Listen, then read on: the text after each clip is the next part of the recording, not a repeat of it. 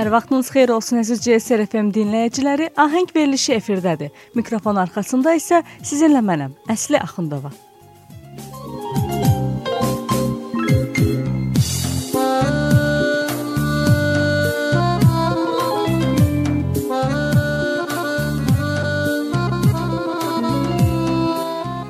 Bugünkü efirimizin növbəti bir buraxılışı Azərbaycan bəstəkarlarından birinə həsr olunub. Bəli, əziz dinləyicilər, bu gün Azərbaycan bəstəkarı və rəssamı, Azərbaycanın xalq artisti Arif Məlikov haqqında danışacağıq.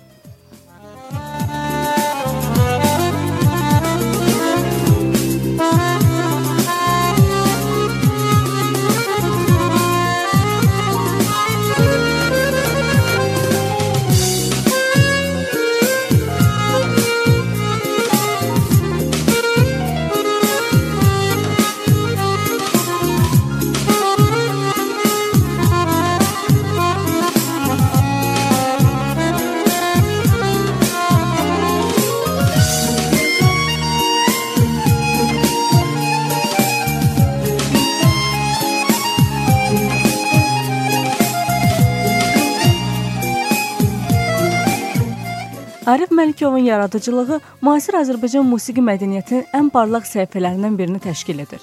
Sənətkarın hər yeni əsəri həm respublikada, həm də onun hüdudlarından qat-qat uzaqlarda əks-səda tapır, maraqla qarşılanır. O həqiqi vətəndaş kimi özünün sənəti ilə dövrümüzün bir çox problemləri üzərində düşünməyə vadar edir. Üzər Hacıbeyli tərəfindən qoyulmuş ənənələri davam və inkişaf etdirən Qarayevin yaradıcı prinsiplərindən, Şostakoviçin və dünya musiqisinin qabaqcıl nümayəndələrinin ən yaxşı keyfiyyətlərindən bəhrələnən Arif Məlikov fərdi yaradıcılıq üslubu yaradıb. Təsadüfi deyil ki, o bu gün də dünya miqyasında müasir Azərbaycan musiqisini ləyaqətlə təmsil edənlərdən biridir. Arif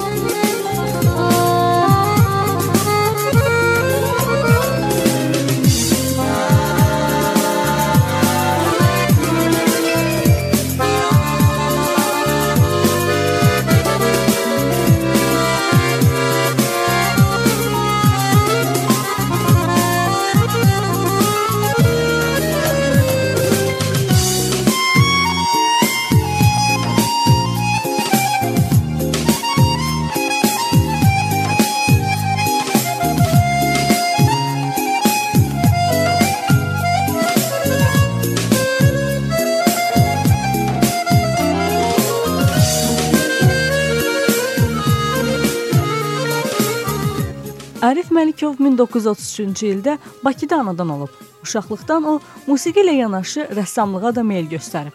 Hətta rəsm texnikumuna daxil olmaq istəyirdi. Lakin musiqiyə olan maraq üstün gəldi. Bəstəkar 1948-ci ildə Asif Zeynallı adına Bakı Musiqi Texnikumunun tar sinfinə daxil, daxil olur. Burada təhsil alarkən onda bəstəkarlığa böyük həvəs oyanır. Bu həvəs onu 1953-cü ildə konservatoriyanın bəstəkarlıq fakültəsinə gətirib çıxarır. Burada o, görkəmli sənətkar Qarayevin sinifində təhsil alır və bu ünsiyyət bəstəkara bir sənətkar, şəxsiyyət kimi formalaşmaqda, sənətdə öz fərdi yolunu tapmaqda kömək edir.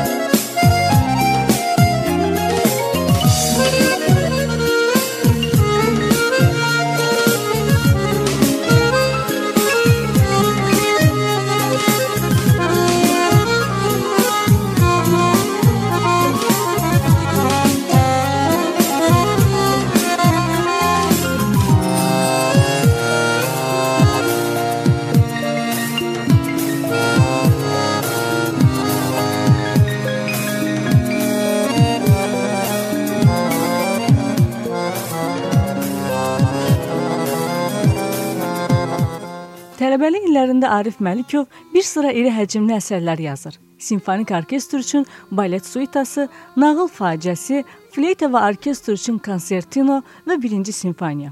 Bu əsərlər ilk dəfə səsləndiyi gündən diqqəti cəlb edir və bəstəkarın böyük gələcəyindən xəbər verir. 1959-cu ildə Qarayevin məsləhəti ilə Leningrad Opera və Balet Teatrı Arif Məlikova Nazim Hikmətin Məhəbbət əfsanəsi pyesinə balet yazmağı təklif edir. 26 yaşlı bəstəkar Nazim Hikmət, Blatmeister Grigoroviç, rəssam Virsaladze və dirijor Niyazdan ibarət yaradıcı heyətlə birgə özünün şah əsərini yaradır. Premyeradan sonra əsər musiqi tarixində yeni söz, yeni mərhələ kimi qiymətləndirilir balet dünyanın 26 ölkəsində müvəffəqiyyətlə tamaşaya qoyulub.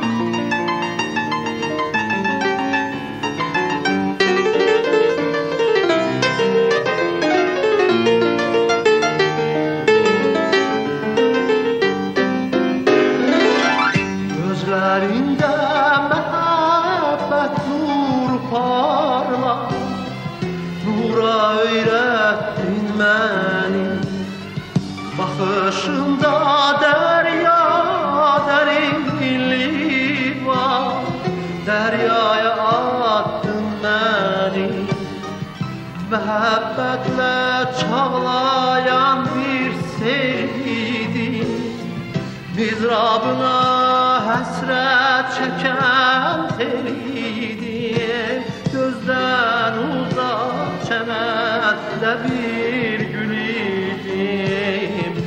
Derdini yaşattın beni Derdini yaşattın beni.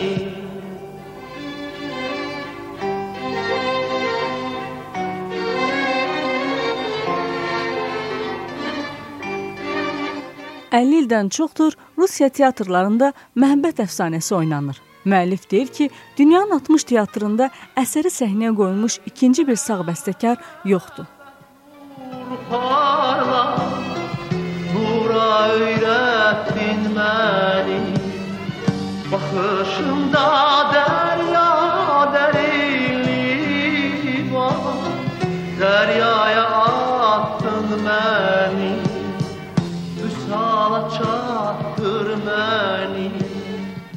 Məşhur bəstəkar Dmitri Shostakovich Məhəbbət əfsanəsi baleti haqqında dəyərli fikirlər söyləyib. Arif Məlikov istedadlı bəstəkardır. Musiqisi əsl professionaldır. Onun əsərində dərin musiqi dramaturgiyası, daxil inkişaf, dəqiqlik, qəhrəmanların xarakterini yüksək səviyyədə ifadə etmək məziyyətləri var. Orkestrin idarə edilməsində Arif Məlikovun nadir istedadı musiqiyə rəngarənglik və tamaşaçılara məftunluq gətirib.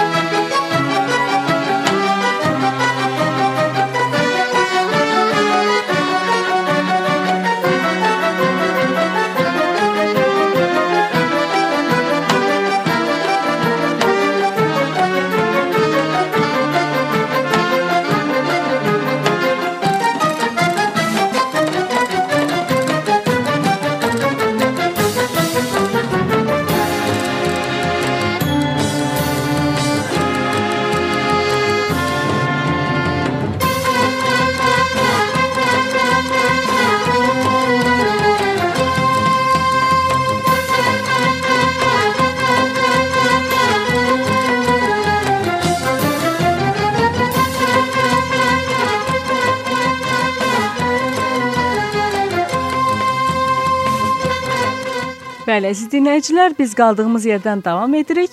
Musiqişünas Şəhla Mahmudova isə Arif Məlikov yaradıcılıq və məhəbbət əfsanəsi barəti haqqında bunları deyir. Arif Məlikovun yaradıcılıq yolunu qısa şəkildə səciyyələndirsəydik, yəqin ki, bunu zirvədən zirvəyə adlandırardıq. Çünki kamilliyin ən uca zirvəsinə yönəlmiş olan bu yol öz başlanğıcını da elə zirvədən götürüb. 26 yaşlı bəstəkarın Məhəbbət əfsanəsi onun sənət yolunun lap əvvəlində fəth etdiyi yüksəklik Azərbaycan musiqisinin milli baletin ümumdünya miqyasında təntənəsi olmuşdu. Beləliklə, sənətdə ilk addımlarından o musiqi aləmində bir ulduz kimi parlamış, sahibi olduğu fitri istedadını sonrakı illərdə cilalayıb, kamilləşdirdiyi peşəkarlığı ilə tamamlayaraq yeni zirvələrə yüksəlmişdi.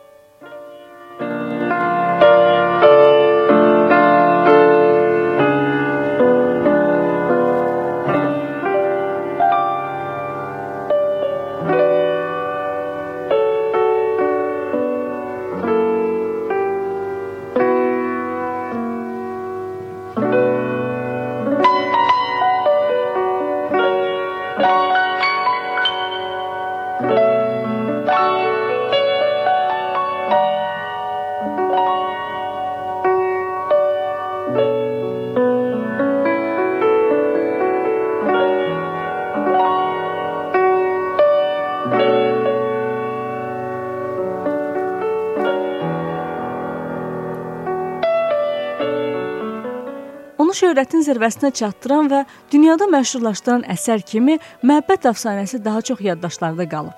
Məşhur türk şairi Nazim Hikmətin əsərləri əsasında yazılan bu baletin uğuru iki böyük sənətkarın yaradıcılıq yönlərini uğurla tamamlaya bilməsi idi. Bu əsəri yazarkən Alif Məlikov böyük şairin özü ilə görüşmüş, söhbət etmiş və ondan razılıq almışdı. Şübhəsiz ki, müəllifin 26 yaşda yaz yazılmış bir musiqi əsərini 79 yaşında böyük səhnələr səhnələrdə görməsi hər kəsə nəsib olan xoşbəxtlik deyil. Amma dünya teatrlarını dolaşan bu əsər 1962-ci ildən bəri Azərbaycan səhnəsində oynanmayıb. Bunun səbəbini isə əsərin çox mürəkkəb səhnələrlə zəngin olması və teatrın potensialının buna çatmaması ilə əlaqələndirirlər.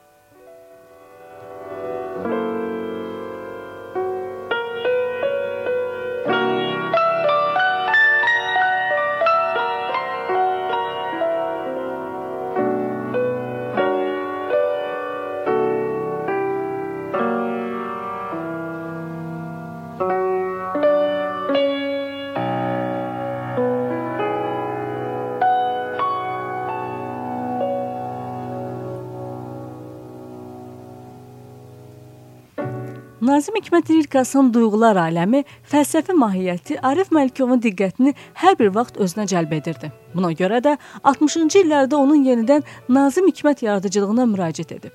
Romanslar silsiləsi yaratmağı təsadüf deyildi.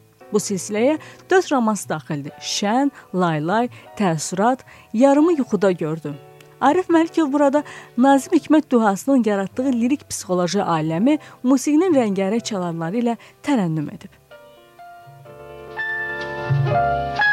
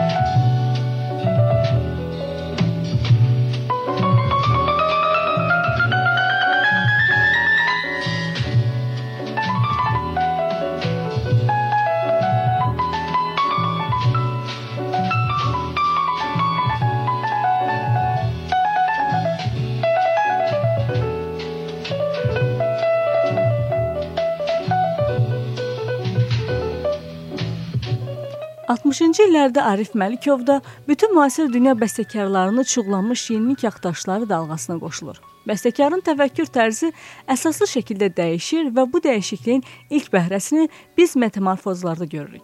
İkinci simfoniyada öz müəllimi Qara Qarayev kimi həmişə yenilik axtarışda olan Arif Məlikov müasir yazı texnikası olan diktofoniyadan istifadə edib. Burada muğam dramaturgiyasının prinsipləri yeni anlamda şərh olunur.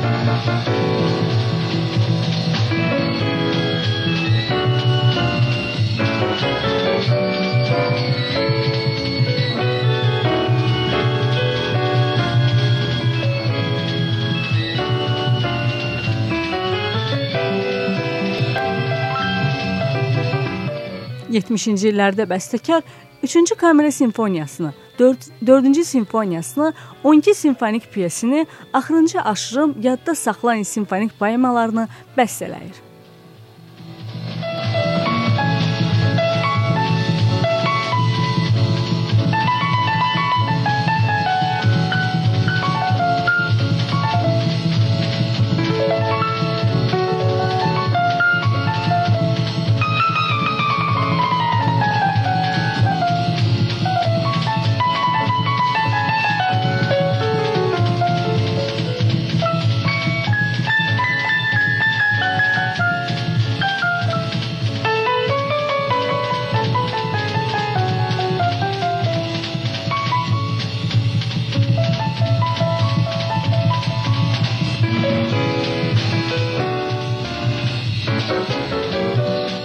Bəstəkarın yaradıcılığında simfonik əsərlərlə yanaşı balet janrı da aparıcı rol, oynayıb. Məhəbbət əfsanəsindən sonra o iki nəfər və iki qəlbin dastanı baletlərini qələmə alır. İki qəlbin dastanı baleti Daşkənddə və Kuybeşevdə böyük müvəffəqiyyətlə tamaşaya qoyulur. Əsər Hind şairi, filosofu Bedelin Komde və Modan poeması əsasında yazılıb. Qeyd etmək lazımdır ki, Komde və Modan haqqında əfsanənin motivləri ənənəvi şərq o cümlədən Azərbaycan əfsanəli və klassik ədəbiyyatın bir sıra motivləri ilə yaxından səsləşir. Məsələn, modanın şəkil vasitəsilə Komdeyə vurulması bizə Xosrov və Şirin əfsanəsinin qəhrəmanı Xosrovu, Komdenin modanın onun bağışladığı gülə müraciəti Leyli obrazını, onun ay və pərvanə ilə söhbətini, modanın səhraya düşməsi Məcnunu xatırladır. Ədalətli hökmdar ideyası isə bizə Nizaminin İskəndarnaməsini xatırladır.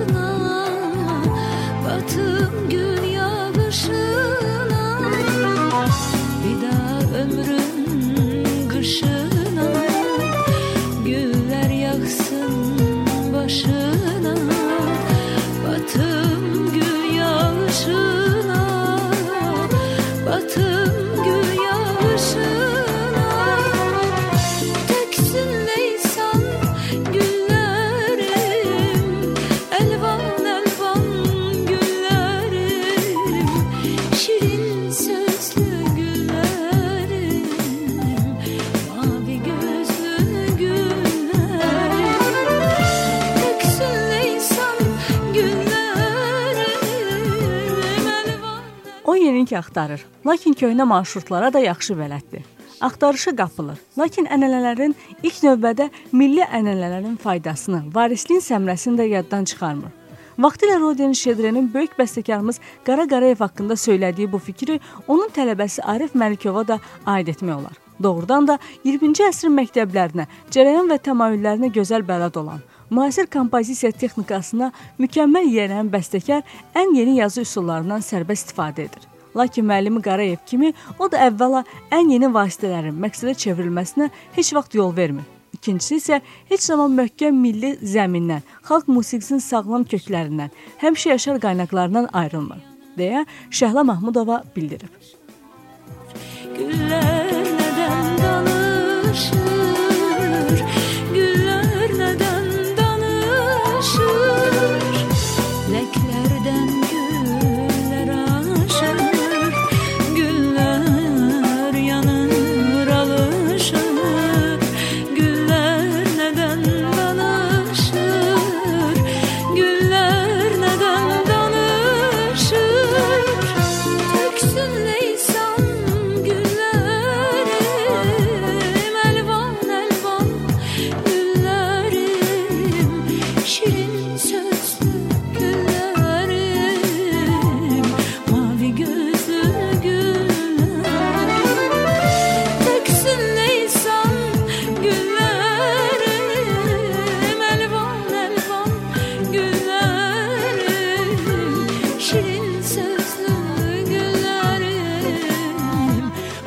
80-ci illərdə bəstəkar Nazim Hikmətin yaradıcılığına yenidən müraciət edir və bunun nəticəsində Nazim Hikmətin şeirləri əsasında ikinci vokal silsilə yaranır. 80-ci illərdə solo skripka üçün sonata, iki fortepiano üçün skretsu əsərləri meydana gəlir.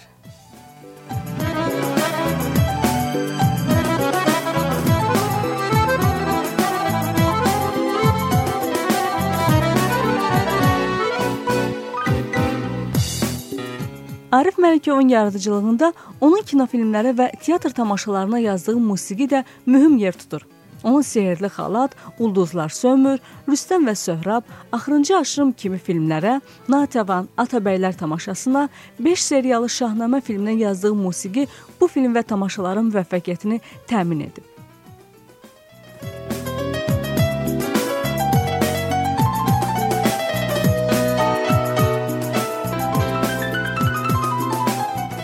Arif Məlikov 30 ildən artıqdır ki, Azərbaycan Dövlət Konservatoriyasında bəstəkarlıq kafedrasına rəhbərlik etmiş, Bəstəkarlar İttifaqının idarə heyətinin üzvü olmuşdu. Arif Məlikov sağlığında ən yüksək mükafatları almış sənətkardır. Azərbaycan Respublikasının əməkdar incəsənət xadimi, Azərbaycan Respublikasının xalq artisti, SSR xalq artisti, Azərbaycan Milli Elmlər Akademiyasının müxbir üzvü və sair kimi titulları var. Böyük bəstəkar 1998-ci ildə Azərbaycan ən yüksək mükafatlarından birinə, İstiqlal ordeninə layiq görülüb.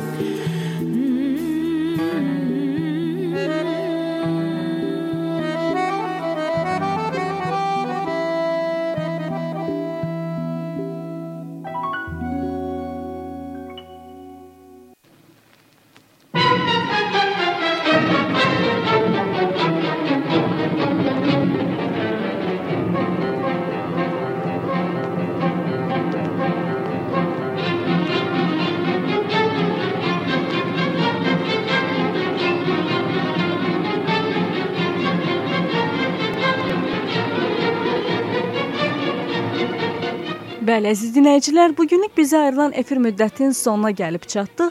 Bugünkü efirimizdə Arif Məlikovun həyat və yaradıcılığından söhbət açdıq. Mikrofon arxasında isə sizinlə mən idim, Əsli Axundova. Növbəti efirlərdə eşidilmək ümidi ilə Xudahafiz.